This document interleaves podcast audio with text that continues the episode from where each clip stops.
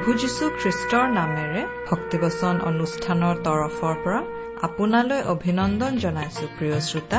আজিৰে পবিত্ৰ ক্ষণতে উজলি উঠা খ্ৰীষ্টৰ জ্যোতি। প্ৰিয় শ্ৰোতা আপুনি ভালে কুশলে আছেনে? জীৱনৰ বিভিন্ন সমস্যাসমূহক জয় কৰি এক সুশৃংখল জীৱন যাপন কৰিবলৈ আমাৰ সকলোকে প্ৰয়োজন এজন প্ৰকৃত বন্ধু আৰু সাৰথী। এই সাৰথীজন হৈছে প্ৰভু যীশুখ্ৰীষ্ট। তেওঁ মানুহক মুক্তি আৰু প্ৰচুৰ জীৱন দিবলৈ ক্ৰুচত বলি হবলৈকো কুণ্ঠাবোধ নকৰিলে। সেয়েহে তেওঁহে আপোনাৰ মোৰ জীৱনত সঠিক পথেৰে আগবাঢ়ি যাওঁতে সহায় কৰিব পাৰে। তেওঁত আশ্ৰয় লৈ আমাৰ জীৱনে প্ৰকৃততে সঠিক জীৱনৰ বাট বিচাৰি পায়। গতিকে তেওঁৰ বিষয়ে আৰু অধিককৈ জানিবলৈ পবিত্ৰ বাইবেলৰ এই শিক্ষামূলক অনুষ্ঠান ভক্তিবচন মনোযোগেৰে শুনো। কিয় তুমি ইমান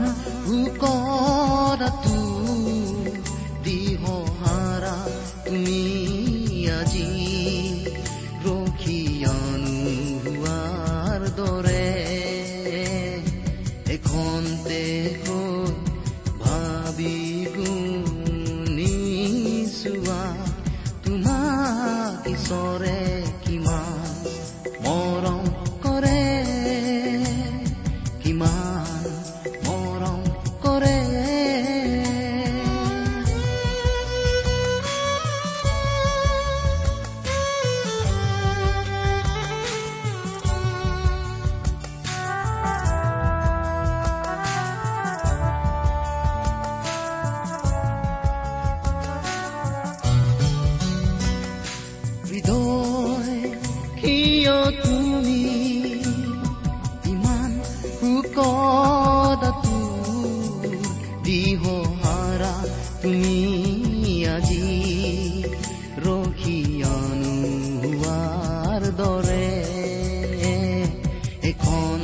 देखो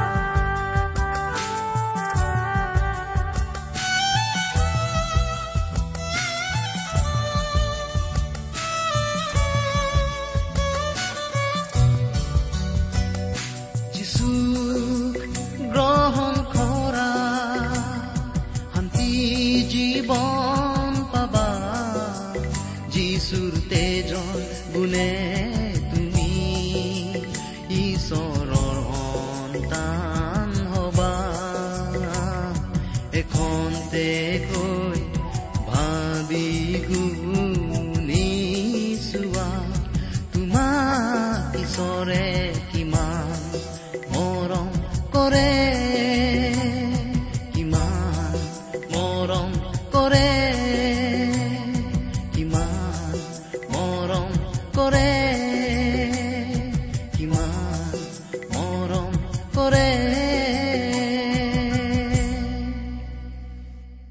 আমাৰ পৰম পবিত্ৰ প্ৰভু যীশুখ্ৰীষ্টৰ নামত নমস্কাৰ প্ৰিয় শ্ৰোতা।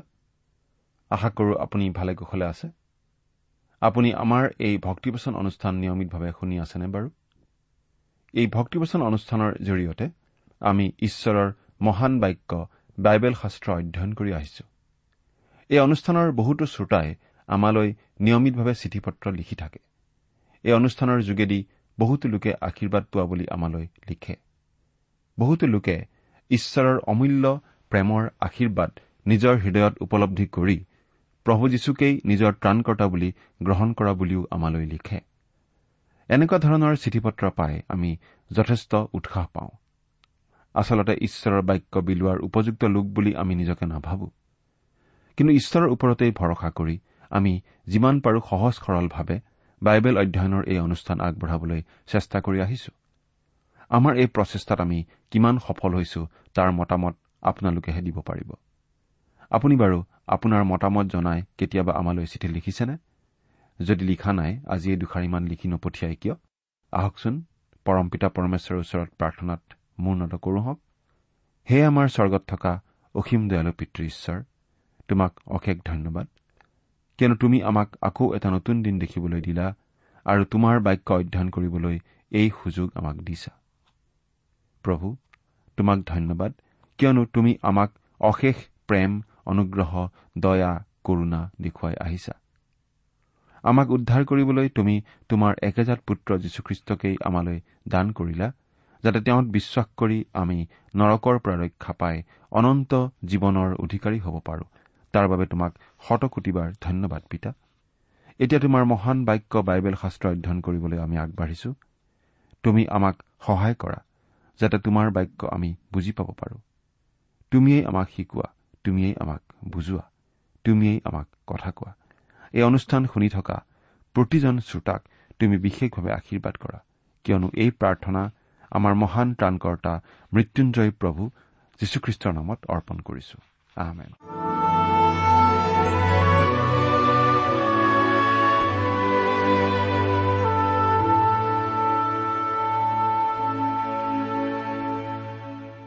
প্ৰিয় শ্ৰোতা আমি আজি ভালেমান দিন ধৰি বাইবেলৰ নতুন নিয়ম খণ্ডৰ ইফিচিয়াবিলাকৰ প্ৰতি পত্ৰ নামৰ পুস্তকখন অধ্যয়ন কৰি আছো নহয় জানো? আমি আজিৰ অনুষ্ঠানত এই ইফিচিয়া পুস্তকৰ পাঁচ নম্বৰ অধ্যায়ৰ আলোচনা আৰম্ভ কৰিব খুজিছো। আৰু এই পাঁচ নম্বৰ অধ্যায়টিৰ মূল বিষয়সমূহ হ'ল মণ্ডলী খ্ৰীষ্টৰ কন্যা আৰু এই উদ্দেশ্যে মণ্ডলীক খ্ৰীষ্টলৈ বাগদান মণ্ডলীৰ অভিজ্ঞতা আৰু আশা। এই অধ্যায়টিত আমি দেখা নোপোৱা বিষয় এটি দৃষ্টান্ত আকাৰে আমাক জানিবলৈ দিয়া হৈছে। ইয়াৰ আগতে চাৰি নম্বৰ অধ্যায়ত মণ্ডলীক এটি নতুন মানুহ বুলি দেখুওৱা হৈছে আৰু এই অধ্যায়ত সেই মণ্ডলীকেই কন্যা বুলি দেখুওৱা হৈছে। আজি মণ্ডলী এজন নতুন মানুহ ৰূপত এই জগততে আছে যদিও ইয়াক খ্ৰীষ্টলৈ ইতিমধ্যে বাগদান কৰা হৈছে। কিন্তু বিবাহ কাৰ্য এতিয়াও সম্পন্ন হোৱা নাই। ভৱিষ্যতে অৰ্থাৎ মহাক্লেশৰ পাছত খ্ৰীষ্টৰ লগত মণ্ডলীৰ বিবাহ কাৰ্য সম্পন্ন হ'ব আৰু তেতিয়া মণ্ডলী খ্ৰীষ্টৰ কন্যা হ'ব। এই বিষয়ে প্ৰকাশিত বাক্যৰ দুই নম্বৰ অধ্যায়ৰ দুই আৰু ন নম্বৰ পদত এইদৰে আমি পাওঁ আৰু দৰাৰ কাৰণে বিভূষিতা কন্যা যেনে তেনেকৈ যুগুত হোৱা পবিত্ৰ নগৰ নতুন জিৰচালেমক ঈশ্বৰৰ ওচৰৰ পৰা অৰ্থাৎ স্বৰ্গৰ পৰা নমা দেখিলো। পাছে শেষৰ সাত উৎপাতেৰে পৰিপূৰ্ণ সাতোটা বাতি লোৱা সাতজন দূতৰ এজনে আহি মোৰে সৈতে কথা হৈ কলে আহা মই তোমাক সেই কন্যা অৰ্থাৎ মেৰ পোৱালীৰ ভাৰ্যা দেখুৱাওঁ। ইয়াৰ দ্বাৰা ইয়াকে কোৱা হৈছে যে খ্ৰীষ্টীয় লোকসকলক যিহেতু খ্ৰীষ্টলৈ বাগদান কৰা হৈছে সেই হেতুকে তেওঁলোকে এই জগতত থকা কালত ভৱিষ্যতৰ কন্যাৰ দৰে চলিব লাগে। দ্বিতীয় কৰিন্থিয়া এঘাৰ নম্বৰ অধ্যায়ৰ দুই পদত এইদৰে কৈছে কাৰণ খ্ৰীষ্টৰ হাতত সতী কন্যা স্বৰূপে সমৰ্পণ কৰিবৰ অভিপ্ৰায়েৰে তোমালোকক একমাত্ৰ স্বামীলৈ অৰ্থাৎ খ্ৰীষ্টলৈ বাগদান কৰিলো। স্বাভাৱিকতে চাওকচোন এজনী ছোৱালীৰ যেতিয়া বিয়াৰ সকলো বন্দবস্ত হৈ যায় তেতিয়া তেওঁ পুৰণি প্ৰেমিকবিলাকৰ লগত ফুৰিবলৈ ইচ্ছা নকৰে। আগতে তেওঁ হয়তো আজি এজনৰ লগত কালি আন এজনৰ লগত সময় কটাইছিল। কিন্তু বাগদান হোৱাৰ পাছত তেনে কৰিবলৈ ইচ্ছা নিশ্চয় নকৰে আৰু কৰা উচিত নহয়।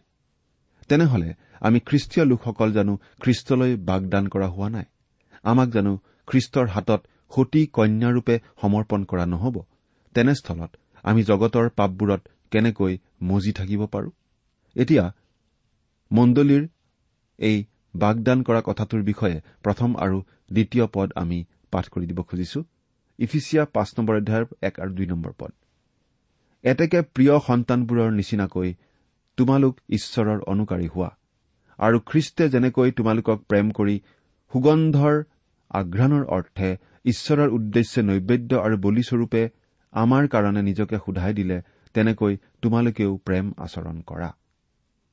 প্ৰিয় শ্ৰোতা ঈশ্বৰে মানুহক অতিশয় প্ৰেম কৰা হেতুকে পাপত পতিত মানুহক উদ্ধাৰ কৰিবলৈ খ্ৰীষ্ট যে ক্ৰুচত মৰিল এই কথা দুনাই কোৱাৰ প্ৰয়োজন নাই। আজি খ্ৰীষ্টক বিশ্বাস কৰা প্ৰতিজন মানুহেই তেওঁৰ শৰীৰস্বৰূপ অৰ্থাৎ মণ্ডলী। এই মণ্ডলীক খ্ৰীষ্টৰ তেজেৰে যিহেতু কিনা হল সেই হেতুকে এই মণ্ডলীক যাতে খ্ৰীষ্টৰ হাতত কোনো দাগ বা চেকা নলগাকৈ সমৰ্পণ কৰিব পৰা যায় সেই উদ্দেশ্যে এই পদ দুটিত কেইটামান নিৰ্দেশ দিয়া হৈছে। এই নিৰ্দেশ মণ্ডলীৰ বাবে গভীৰ অৰ্থপূৰ্ণ। কাৰণ যীশুখ্ৰীষ্টৰ দ্বাৰা মণ্ডলীয়ে যাতে স্বাভাৱিকভাৱে পবিত্ৰ আচৰণ কৰিব পাৰে সেই মহৎ উদ্দেশ্যত উপনীত হ'ব পাৰে সেইকাৰণে এই কথা কোৱা হৈছে। আমি ইতিমধ্যে জানিছো যে প্ৰতিজন খ্ৰীষ্টীয় বিশ্বাসী লোকত পবিত্ৰ আত্মাই নিবাস কৰে আৰু তেওঁক মোহৰ মাৰি দিয়ে। কিন্তু তথাপিতো আমি খ্ৰীষ্টীয় লোকে কেতিয়াবা পবিত্ৰ আত্মাক বেজাৰ দিব পাৰো। অৰ্থাৎ কটু বাক্য খং ক্ৰোধ মন্দতা নিন্দা হিংসা আদি কাৰ্যৰ দ্বাৰা আমি পবিত্ৰ আত্মাক আঘাত দিব পাৰো। আঘাত দিলেও আমি যে ঈশ্বৰৰ সন্তান নহওঁ এনে নহয়। এনে লোককো কিন্তু ঈশ্বৰে হেৰাই যাব নিদিয়ে। কাৰণ তেওঁলোকক ঈশ্বৰৰ আত্মাৰ দ্বাৰা মোহৰ মৰা হৈছে। এই আত্মাই তেওঁলোকক খ্ৰীষ্টৰ হাতত সমৰ্পণ কৰা দিনলৈকে চলাই লৈ যাব। তেওঁলোকেও মুক্তি পাব কিন্তু তেওঁলোক ঈশ্বৰৰ অবাধ্য সন্তান। এতিয়া আমি তিনি আৰু চাৰি নম্বৰ পদ দুটা পঢ়ি দিছো। কিন্তু ব্যভিচাৰ আদি কৰি সকলো অসুচী কৰ্ম বা লোভৰ নামো তোমালোকৰ মাজত উচ্চাৰিত নহওক। পবিত্ৰ লোকৰ এয়ে উচিত আৰু অশ্লীলতা উন্মত্ত বলকনি খেজেলিওৱা এনে অনুচিত ব্যৱহাৰো তোমালোকৰ মাজত নহওক বৰং ধন্যবাদ হওক। প্ৰিয় শ্ৰোতা এই পদ দুটিত উল্লেখ কৰা পাপবোৰ অবিশ্বাসী লোকৰ মাজত প্ৰচলিত। আজি জগতত এইবোৰ চলি আছে। নৈতিকতাৰ হীন অৱস্থাৰ বাবে এইবিলাক চলি থাকে। কিন্তু পৌলে কৈছে যে ঈশ্বৰৰ সন্তান এজনে অভ্যাসগতভাৱে এইবোৰত জড়িত হ'ব নোৱাৰে।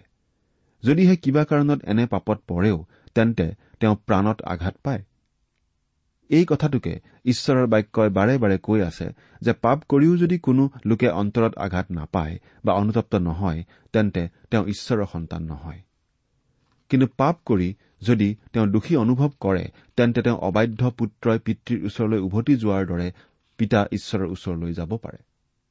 আৰু যদি তেওঁ প্ৰকৃততে ঈশ্বৰৰ সন্তান হয় তেন্তে দোষ কৰিলেও ঈশ্বৰৰ ওচৰলৈ যাবই।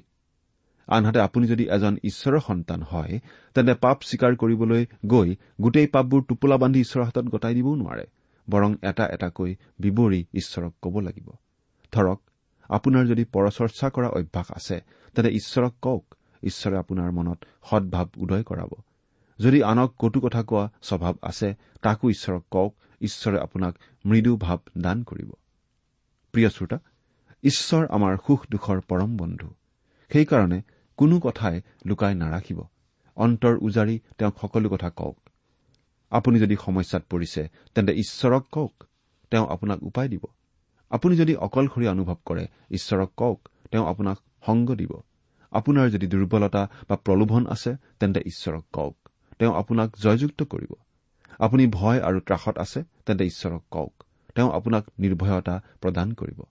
আপোনাৰ কবলগীয়া সকলো কথা সংকোচ নকৰাকৈ ঈশ্বৰক কওক। তেওঁ শুনিব আৰু উত্তৰ দিব। কাৰণ তেওঁ আমাৰ পৰম বন্ধু আৰু স্বৰ্গত থকা পিতৃ। ঈশ্বৰৰ লগত আৱৰণহীনভাৱে যিয়ে আম্মীয়তা স্থাপন কৰিব পাৰে তেওঁ এই পৰম ধন্য। আজি প্ৰতিজন খ্ৰীষ্টীয় লোকৰ অতি প্ৰয়োজনীয় বস্তুটো হৈছে যে তেওঁ গৈ ঈশ্বৰৰ ওচৰত সকলো কথা অন্তৰ খুলি ক'ব পাৰিব লাগে। এইখিনিতে হয়তো কোনোবাই ক'ব পাৰে যে খ্ৰীষ্টীয় লোকেও বেবিচাৰৰ দৰে জঘন্য পাপ কৰেনে? প্ৰিয় শ্ৰোতা আপুনি যদি বয়সস্থ খ্ৰীষ্টীয় পৰিচাৰক বা পৰামৰ্শদাতা হলহেঁতেন তেন্তে জানিলেহেঁতেন যে খ্ৰীষ্টীয় লোকেও তেনে পাপত কেতিয়াবা পৰিব পাৰে। বহুতো খ্ৰীষ্টীয় লোকে জঘন্য পাপ কৰি নিৰাশ হৈ পৰে আৰু ভাবে যে ঈশ্বৰে তেওঁলোকৰ পাপ ক্ষমা নকৰিব নেকি? কিন্তু তেনে নহয়। ঈশ্বৰে ক্ষমা কৰিব। আপোনাৰ জীৱনতো যদি তেনে কোনো পাপ লুকাই আছে তেন্তে আজিয়েই আপুনি ঈশ্বৰক কওক। তেওঁ আপোনাক ক্ষমা কৰিব শান্তি দিব আৰু তেনে পাপৰ পৰা আঁতৰি থাকিবলৈও শক্তি দিব। কিন্তু মনত ৰাখিব পাপ কৰি ক্ষমা বিচাৰিলে ঈশ্বৰে ক্ষমা দিয়ে বুলিয়েই বাৰে বাৰে পাপ কৰি বাৰে বাৰে ক্ষমা বিচাৰিম বুলি ভাবি থকা উচিত নহয়। এতিয়া আহোহক আমি লোভৰ বিষয়লৈ লোভ মানে পৰৰ ধন সম্পত্তি অন্যায়ভাৱে পাবলৈ বিচৰাই নহয় মানসিকভাৱে আনৰ ওপৰত প্ৰাধান্য বিৰাজ কৰিবলৈ বিচৰাও হ'ব পাৰে। নাইবা মান মৰ্যাদা ক্ষমতা ইত্যাদিৰ প্ৰতি অভিলাষ কৰাটোও হ'ব পাৰে। এই সকলোৱেই লোভ। অনুষ্ঠান প্ৰতিষ্ঠানৰ বৰমূৰীয়া হবলৈ হেতাও পৰা লগাটো লোভ। এটা কথা আছে কৃপনে ভাবে যে টকা চেপেটা সেইকাৰণে ইয়াক জাপি জাপি থাক থাককৈ জমা কৰিব পাৰি। অভিলাষীজনে ভাবে যে পইচাটো ঘূৰণীয়া গতিকে ইয়াক ঘূৰিবলৈ এৰি দিলেই বিচৰা বস্তু পাব পাৰি। জমা কৰি থবলৈ হওক বা খৰচ কৰিবলৈ হওক অন্যায় আৰু চল চক্ৰান্তৰে ধন পাবলৈ চেষ্টা কৰাই লোভ। আৰু ঈশ্বৰৰ দৃষ্টিত লোভটো এটা ঘৃণনীয় পাপ। তিনি নম্বৰ পদৰ শেষত কোৱা হৈছে যে এনে কথা তোমালোকৰ মাজত উচ্চাৰিত নহওক। তাৰমানে কোৱা হৈছে যে বেবিচাৰ লোভ আদিৰ দৰে আন কিছুমান পাপ আছে যিবোৰত জড়িত হোৱাটো দূৰৰ কথা। সেইবোৰ আলোচনা কৰিব বা মনত ভাবিবও নালাগে। সেইবোৰৰ এটা হ'ল অশ্লীলতা। অশ্লীলতা হ'ল অতি নিম্ন আৰু লেতেৰা স্বভাৱৰ পৰিচয়। অশ্লীল কাৰ্যই নিজৰ শালীনতা নষ্ট কৰে আৰু অশ্লীল গালি গালাজ আৰু ব্যৱহাৰে আনক আঘাত দিয়াৰ উপৰিও নিজৰ মৰ্যাদা হানি কৰে আৰু একো উপকাৰ নকৰে বৰং আনক ক্ৰোধী আৰু উত্তেজিত কৰাত সহায় কৰে। আজি বহুতে ভাবে যে মনোৰঞ্জন কেৱল অশ্লীল আৰু লেতেৰা কথা বা কামৰ মাজেৰেহে পাব পাৰি কিন্তু বাইবেলতো যে কিমান মনোৰঞ্জনৰ উৎস আছে তাক জানো আমি বিচাৰি চাওঁ। খ্ৰীষ্টীয় গীত মাত নাটক চিনেমা ইত্যাদিতো কম আনন্দ নাই।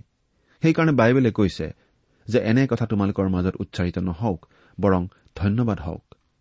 প্ৰিয় শ্ৰোতা আমি নিজৰ বিষয়ে চিন্তা কৰি চোৱা উচিত। আমাৰ কাৰ্যকলাপ আৰু আচৰণ আপত্তিজনক নে ধন্যবাদযুক্ত? যদি আপত্তিজনক তেন্তে এই কথা ঈশ্বৰক কোৱা উচিত। তেওঁ আমাক ধন্যবাদযুক্ত আচৰণ দান কৰিব। এনে আচৰণত আপুনি এক অভূতপূৰ্ব আৰু স্বৰ্গীয় শান্তি লাভ কৰিব। এতিয়া পাপ কাৰ্যৰ ভয়াৱহতাৰ বিষয়ে পাঁচ নম্বৰ পদ পঢ়ি দিছো। কিয়নো খ্ৰীষ্টৰ আৰু ঈশ্বৰৰ ৰাজ্যত যে কোনো ব্যভিচাৰী বা অসুচী লোকৰ বা লোভিয়া বা দেৱপূজকৰ অধিকাৰ নাই তাক তোমালোকে নিশ্চয় জানা। এই কথাটো আমিও জানো যে যীশুখ্ৰীষ্টক গ্ৰহণ কৰি নতুনকৈ জন্ম নোপোৱা যিসকল মানুহে এইবিলাক পাপত জড়িত থাকে ঈশ্বৰৰ বা যীশুখ্ৰীষ্টৰ ৰাজ্যত তেওঁলোকৰ কোনো অধিকাৰ নাই। কিন্তু খ্ৰীষ্টীয় লোক এজন যদি এনেবোৰ পাপত অভ্যস্ত হয় তেন্তে তেওঁ নিজৰ পৰিচয় নিজে দিয়ে বুলি কৈছে। এইটো বৰ ডাঙৰ কথা। ইয়াৰ যোগেদি ঈশ্বৰে আমাক নিজকে এবাৰ পৰীক্ষা কৰি চাবলৈ কৈছে। তেনে লোকে যদি দেওবাৰে গীৰ্জাত সাক্ষ্য দিয়ে বা মণ্ডলীৰ ডাঙৰ দায়িত্বত থাকেও তথাপিতো তেওঁ জগতৰ এজন হেৰুৱা মানুহ হৈয়ে আছে আৰু জগতক কৈ আছে যে তেওঁ ঈশ্বৰৰ সন্তান নহয়। মাংসিক অভিলাষত জড়িত থকা খ্ৰীষ্টীয় লোক এজন নিজে ঈশ্বৰৰ নিস্তেজ বা পয়া লগা সন্তানতকৈ অধম হৈ পৰে। এয়া হ'ল এজন খ্ৰীষ্টীয় লোকৰ বাবে পাপ কাৰ্যৰ পৰিণাম। ছয় আৰু সাত নম্বৰ পদ অনৰ্থক বাক্যৰ দ্বাৰাই তোমালোকক ভুলাবলৈ কাকো নিদিবা। কিয়নো সেইবোৰৰ কাৰণে অবাধ্যতাৰ সন্তানবিলাকৰ ওপৰলৈ ঈশ্বৰৰ ক্ৰোধ আহে। এতেকে তোমালোকে তেওঁবিলাকৰ সহভাগী নহবা।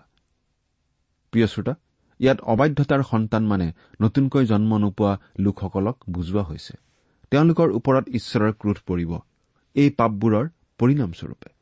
কিন্তু ঈশ্বৰৰ সন্তান এজনো যদি এনেবোৰ পাপত জড়িত হয় তেন্তে ঈশ্বৰে তেওঁৰ বিচাৰ কৰিব আৰু শাস্তি দিব। উদাহৰণস্বৰূপে ডায়ুদৰ কথাকেই চাব পাৰো। তেওঁ ঈশ্বৰৰ দৃষ্টিত গুৰুতৰ পাপ কৰিছিল। ডায়ুদে ঈশ্বৰৰ দৃষ্টিত পাপ কৰিছিল আৰু সেইবাবে ঈশ্বৰে তেওঁক কি কঠোৰ শাস্তি দিছিল সেই বিষয়ে আপুনি নিশ্চয় জানে। ডায়ুদৰ গোটেই জীৱনত ঈশ্বৰে তেওঁৰ পৰা শাস্তি দূৰ কৰা নাছিল। ডায়ুদ কিন্তু ঈশ্বৰৰ এজন মনোনীত লোক আছিল। তথাপিতো ঈশ্বৰে তেওঁৰ বিচাৰ কৰিছিল আৰু শাস্তি দিছিল। খ্ৰীষ্টীয় লোকৰ পাপৰ সম্বন্ধে প্ৰথম কৰিন্ঠিয়া এঘাৰ নম্বৰ অধ্যায়ৰ একত্ৰিশ আৰু বত্ৰিশ নম্বৰ পদত এইদৰে কোৱা হৈছে কিন্তু আমি নিজৰ বিচাৰ নিজে কৰা হলে আমালৈ দণ্ডাজ্ঞা নহলহেঁতেন। কিন্তু আমি যাতে জগতৰ সৈতে দণ্ড নাপাম এইকাৰণে আমাৰ বিচাৰ হোৱাত প্ৰভুৰ পৰা শাস্তি পাইছো। আমি যদি পাপ কৰিও তাৰ বাবে কোনো শাস্তি নাপাওঁ তেন্তে আমি ঈশ্বৰৰ সন্তান নহওঁ। কিয় জানেনে? কাৰণ আমাৰ শাস্তিৰ দিন জগতৰ মানুহৰ লগত নিৰূপণ কৰা হৈছে। আমি পৰিত্ৰাণ নোপোৱা মানুহৰ শ্ৰেণীতেই আছো। কিন্তু আমি যদি প্ৰকৃততে ঈশ্বৰৰ সন্তান হৈও এনেবোৰ পাপ কৰো তেন্তে আমি ঈশ্বৰৰ পৰা শাস্তি পাম। পাপৰ শাস্তি যদি আমি এই জগততেই পাওঁ সেয়া আমাৰ কাৰণে আচলতে ভাল। কাৰণ আমি যাতে অন্ধকাৰত হেৰাই নাযাওঁ তাৰ বাবে পিতৃ ঈশ্বৰে আমাক চেকনিৰে কোবাই সচেতন কৰি দিয়ে। এতিয়া আঠৰ পৰা দহ নম্বৰ পদলৈকে পাঠ কৰিছো। কিয়নো পূৰ্বে তোমালোক আন্ধাৰ আছিলা। কিন্তু এতিয়া প্ৰভূত পোহৰ হৈছা। প্ৰভুৰ সন্তোষজনক কি পৰীক্ষাৰ দ্বাৰাই তাক নিৰ্ণয় কৰি পোহৰৰ সন্তানবিলাকৰ দৰে আচৰণ কৰা। কিয়নো সকলো মংগল ভাৱ ধাৰ্মিকতা আৰু সত্যতাত পোহৰৰ ফল প্ৰকাশিত হয়। ইয়াৰ দ্বাৰা পৌলে খ্ৰীষ্টীয় লোকসকলক পূৰ্বৰ অৱস্থাটো অৰ্থাৎ পৰিত্ৰাণ গ্ৰহণ কৰাৰ আগৰ অৱস্থাটো সোঁৱৰণ কৰিবলৈ কৈছে। অৰ্থাৎ কৈছে আমি নিজে আন্ধাৰ আছিলো।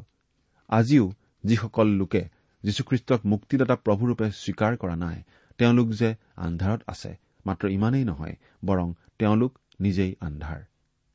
যীশুক বিশ্বাস নকৰা লোকসকল অন্ধকাৰত আছে বুলিহে আমি কওঁ কিন্তু বাইবেলে কৈছে যে তেওঁলোক নিজেই আন্ধাৰ। ইয়াৰ বিপৰীতে খ্ৰীষ্টীয় লোকসকলৰ ক্ষেত্ৰত কোৱা হৈছে যে কিন্তু তোমালোক এতিয়া প্ৰভূত পোহৰ হৈছা। তাৰমানে কোৱা হৈছে যে জগতক পোহৰ দিওঁতা প্ৰভু যীশুখ্ৰীষ্টক আমি প্ৰতিফলিত কৰিব লাগে। অৰ্থাৎ পোহৰৰ ফল আমি প্ৰকাশ কৰিব লাগে। সেই পোহৰৰ ফল কি কি? সেই বিষয়ে পৌলে স্পষ্টকৈ কৈছে। সকলো মংগল ভাৱ অৰ্থাৎ দয়া ধাৰ্মিকতা মানে নৈতিকতাৰ সংশোধন সত্যতা মানে সততা নিষ্ঠা নিয়মানুবৰ্তিতা ইত্যাদি।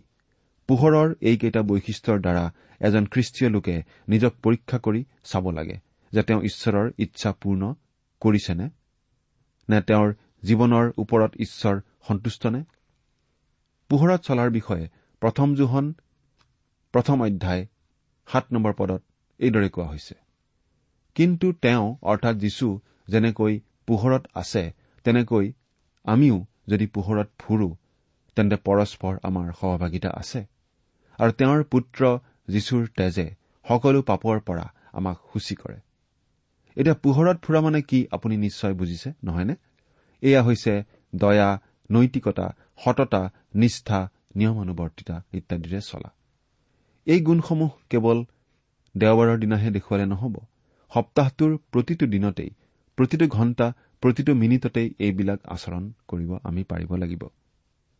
এঘাৰ নম্বৰ পদৰ পৰা তেৰ নম্বৰ পদলৈকে পঢ়িছো শুনিবচোন। আৰু আন্ধাৰৰ বিফল কাৰ্যবোৰৰ ভাগি নহবা বৰং সেইবোৰক দোষিবা কিয়নো তেওঁবিলাকে গুপুতে যি যি কৰে তাক কবলৈকো লাজ কিন্তু দোষী কৰা হলে পোহৰৰ দ্বাৰাই সকলো প্ৰকাশিত হয়। কিয়নো যি যি প্ৰকাশিত হয় সেই সকলো পোহৰ। প্ৰিয় শ্ৰোতা আন্ধাৰৰ বিফল কাৰ্যবোৰৰ ভাগি নহবা মানে কোৱা হৈছে যে ঈশ্বৰৰ সন্তান এজনে স্বাভাৱিকতেই আন্ধাৰৰ কাৰ্যবোৰৰ লগত অৰ্থাৎ পাপ কাৰ্যবোৰৰ লগত জড়িত হৈ থাকিব নোৱাৰে। আনকি এই ভৌতিক জগতখনতো আন্ধাৰ আৰু পোহৰ একেলগে মিশ্ৰিত নহয়। কাৰণ আন্ধাৰৰ সন্তানসকলে গুপুতে যিবোৰ পাপ কাৰ্য কৰে সেইবোৰ লাজ লগা অপমানজনক। সেইকাৰণে ঈশ্বৰৰ সন্তান এজনে আন্ধাৰৰ সন্তানৰ পথত চলিব নালাগে। বৰং আমি তেওঁলোকক প্ৰমাণ দিব লাগে যে আমি পোহৰৰ সন্তান। তাৰমানে পোহৰৰ সন্তানজন সংস্কাৰক হ'ব নালাগে বা আন্ধাৰৰ কাৰ্যবোৰক গৰিহণা দিব নালাগে কাৰণ আন্ধাৰে যিহক লুকুৱাই পোহৰে তাক প্ৰকাশ কৰে। আমি শিক্ষা দি বা বুজাই এন্ধাৰ নাইকিয়া কৰিব নোৱাৰো। পোহৰৰ দ্বাৰা আন্ধাৰ আঁতৰ কৰিবহে পাৰো। বহুতো খ্ৰীষ্টীয় লোকে অৱশ্যে শিক্ষা দি আন্ধাৰৰ সন্তানক সংশোধন কৰিব বিচাৰে কিন্তু সেইটো সঠিক উপায় নহয়। আমি আচলতে তেওঁলোকক প্ৰভু যীশুৰ কথাহে জনাব লাগিব আৰু প্ৰভু যীশুৱেহে আন্ধাৰ দূৰ কৰিব পাৰে। চৈধ্য নম্বৰ পদ। এইকাৰণে তেওঁ কৈছে হে টোপনিওৱাজন সাৰ পোৱা আৰু মৃতবিলাকৰ মাজৰ পৰা উঠা তাতে খ্ৰীষ্টে তোমাক পোহৰ দিব। এই কথাটো অৱশ্যে মানুহৰ পক্ষে সম্ভৱ নহয় কাৰণ মৃত্যুৰ পৰা মানুহে নিজে কেনেকৈ উঠিব? একমাত্ৰ ঈশ্বৰেহে তুলিব পাৰে। কিন্তু আমি ভাবো যে ইয়াত আম্মিকভাৱে মৰা খ্ৰীষ্টীয় লোকক পুনৰ উঠিবলৈ কোৱা হৈছে। পোন্ধৰৰ পৰা সোতৰ পদ। এতেকে কিদৰে চলা তালৈ সাৱধানে চাবা? অজ্ঞানৰ দৰে নহয় কিন্তু জ্ঞানীৰ দৰে চলিবা। সুসময়ক কিনি লবা কিয়নো এই কাল মন্দ। এই হেতুকে তোমালোকে নিৰ্বোধ নহবা কিন্তু প্ৰভুৰ ইচ্ছা কি তাক জ্ঞাত হোৱা? প্ৰতিজন খ্ৰীষ্টীয় লোকৰ জীৱনৰ আচৰণৰ বাবে এইটো এটা সুন্দৰ নিৰ্দেশ। প্ৰতিজন খ্ৰীষ্টীয় লোক নিৰ্বোধ নহৈ জ্ঞানী হ'ব লাগে সময়ৰ মূল্য বুজিব লাগে আৰু এই উপযুক্ত সময়তেই অখ্ৰীষ্টীয় লোকৰ মাজত খ্ৰীষ্টৰ সাক্ষ্য হোৱাটো কিমান প্ৰয়োজন সেই কথা বুজি পাব লাগে। তেওঁৰ জীৱন ঈশ্বৰৰ গৌৰৱৰ কাৰণে ব্যৱহাৰ হ'ব লাগে। এনেকুৱা হবলৈ হলে আমাৰ হৃদয়ত নিবাস কৰা পবিত্ৰ আত্মাক স্বাধীনভাৱে আমাৰ জীৱনত কাম কৰিবলৈ আমি দিব লাগিব। প্ৰিয় শ্ৰোতা আমাক পোহৰ লাগে। লেম চাকিৰ পোহৰ নহয় স্বৰ্গীয় পোহৰ। যীশুখ্ৰীষ্টই দান কৰা স্বৰ্গীয় পোহৰ। এই পোহৰত চলিলেহে আমি দেখা পাওঁ আমাৰ জীৱনৰ দুখ লগা অৱস্থা হৃদয়ৰ ভগ্ন অৱস্থা আৰু দেখা পাওঁ মৃত্যুৰ সিপাৰে থকা স্বৰ্গ আৰু নৰক। স্বৰ্গৰ অনন্তকলীয়া সুখ শান্তি আৰু নৰকৰ দপদপকৈ জ্বলি থকা জুই। সেই পোহৰতহে আমি দেখা পাওঁ আমি কোন পথৰ পথিক। যীশুৱে কৈছে ময়েই বাট সত্য আৰু জীৱন। মোৰ যোগেদি নগলে পিতৃৰ ওচৰলৈ কোনো নাযায়। আপুনি আপোনাৰ সৃষ্টিকৰ্তা ঈশ্বৰৰ ওচৰলৈ যাবলৈ একমাত্ৰ বাট যি যীশুখ্ৰীষ্ট। তেওঁৰ বিষয়ে চিন্তা চৰ্চা কৰক আৰু বিশ্বাস কৰিবলৈ আগবাঢ়ি আহক। তেওঁৰ নিজ মুখৰ কথা যদি আপুনি পঢ়িবলৈ ইচ্ছা কৰে বাইবেলতেই সেই সকলোখিনি পাব। ঈশ্বৰ আপোনাৰ সহায় হওক। আহমেন প্ৰিয় শ্ৰোতা ইমান পৰে আপুনি বাইবেল শাস্ত্ৰৰ পৰা ঈশ্বৰৰ বাক্য শুনিলে এই বিষয়ে আপোনাৰ মতামত জানিবলৈ পালে আমি নথৈ আনন্দিত হ'ম। আমি প্ৰস্তুত কৰা বাইবেল অধ্যয়নৰ চিডিসমূহ পাব বিচাৰিলে আৰু অনুষ্ঠানত প্ৰচাৰ কৰা কোনো কথা বুজিব লগা থাকিলেও আমালৈ লিখক। আমাৰ যোগাযোগৰ ঠিকনা ভক্তিবচন ট্ৰান্সপল ৰেডিঅ' ইণ্ডিয়া ডাক বাকচ নম্বৰ সাত শূন্য গুৱাহাটী সাত আঠ এক শূন্য শূন্য এক। ঠিকনাটো আকৌ এবাৰ কৈছো ভক্তিবচন ট্ৰান্সৱৰ্ল্ড ৰেডিঅ' ইণ্ডিয়া ডাক বাকচ নম্বৰ সাত শূন্য গুৱাহাটী সাত আঠ এক শূন্য শূন্য প্ৰাৰ্থিছো আজি কাতৰে মাতিছো আজি। আমি প্ৰভু যিছু যিছু তোমাকে প্ৰাৰ্থিছো আজি। কাতৰে মাতিছো আজি আমি প্ৰভু যিছু আমাৰ ইমেইল এড্ৰেছটো হৈছে Assamese T TV at the rate radio' eight eight two dot com. আমাৰ website W W W dot T W R dot in. আপুনি টেলিফোনৰ মাধ্যমেৰেও আমাক যোগাযোগ কৰিব পাৰে। আমাৰ টেলিফোন নম্বৰটো হৈছে nine eight five four zero' four zero' eight eight nine. তুমি সৃজিছিলা যোন বেলি তৰা ইয়াৰ কাষলে যিছু তুমি আহা তুমি সৃজিছিলা যোন বেলি তৰা ইয়াৰ কাষলে মোৰ। যিছু তুমি আহা।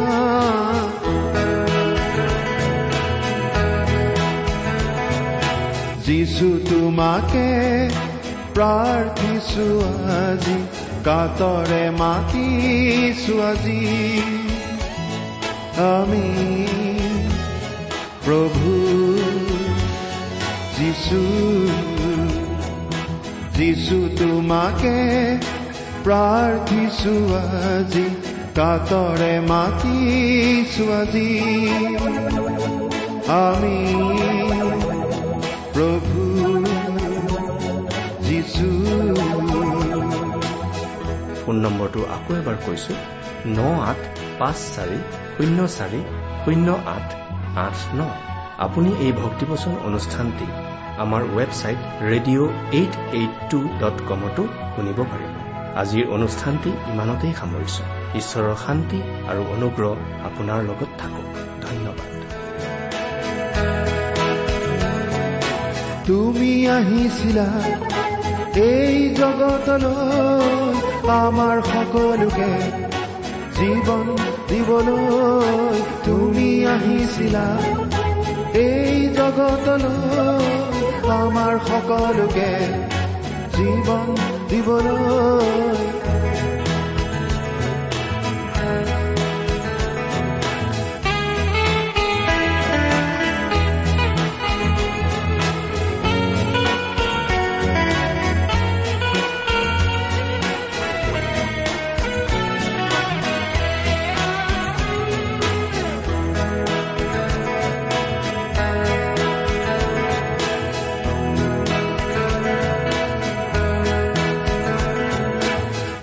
তোমাৰ প্ৰেমৰ কথা।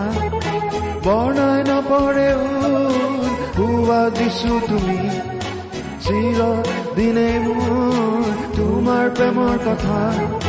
বৰ্ণাই নপৰে হোৱা দিছো তুমি। চিৰ দিনে মোৰ